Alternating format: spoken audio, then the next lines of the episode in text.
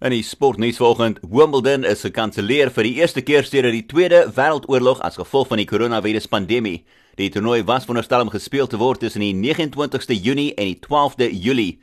Dit beteken nou dat die hele grasbaanseisoen gekanselleer is en dat daar geen professionele tennis enige plek in die wêreld sal wees tot minstens die 13de Julie nie. Die Stormers het die seisoen gesukkel met 'n verskeidenheid van beserings aan topspelers toe die laaste wedstryde gespeel is, insluitende kaptein Sia Kolisi, Bongi Mbonambi, Steven Kitsoff, Pieter Steff de Toey en Herschel Jantjies.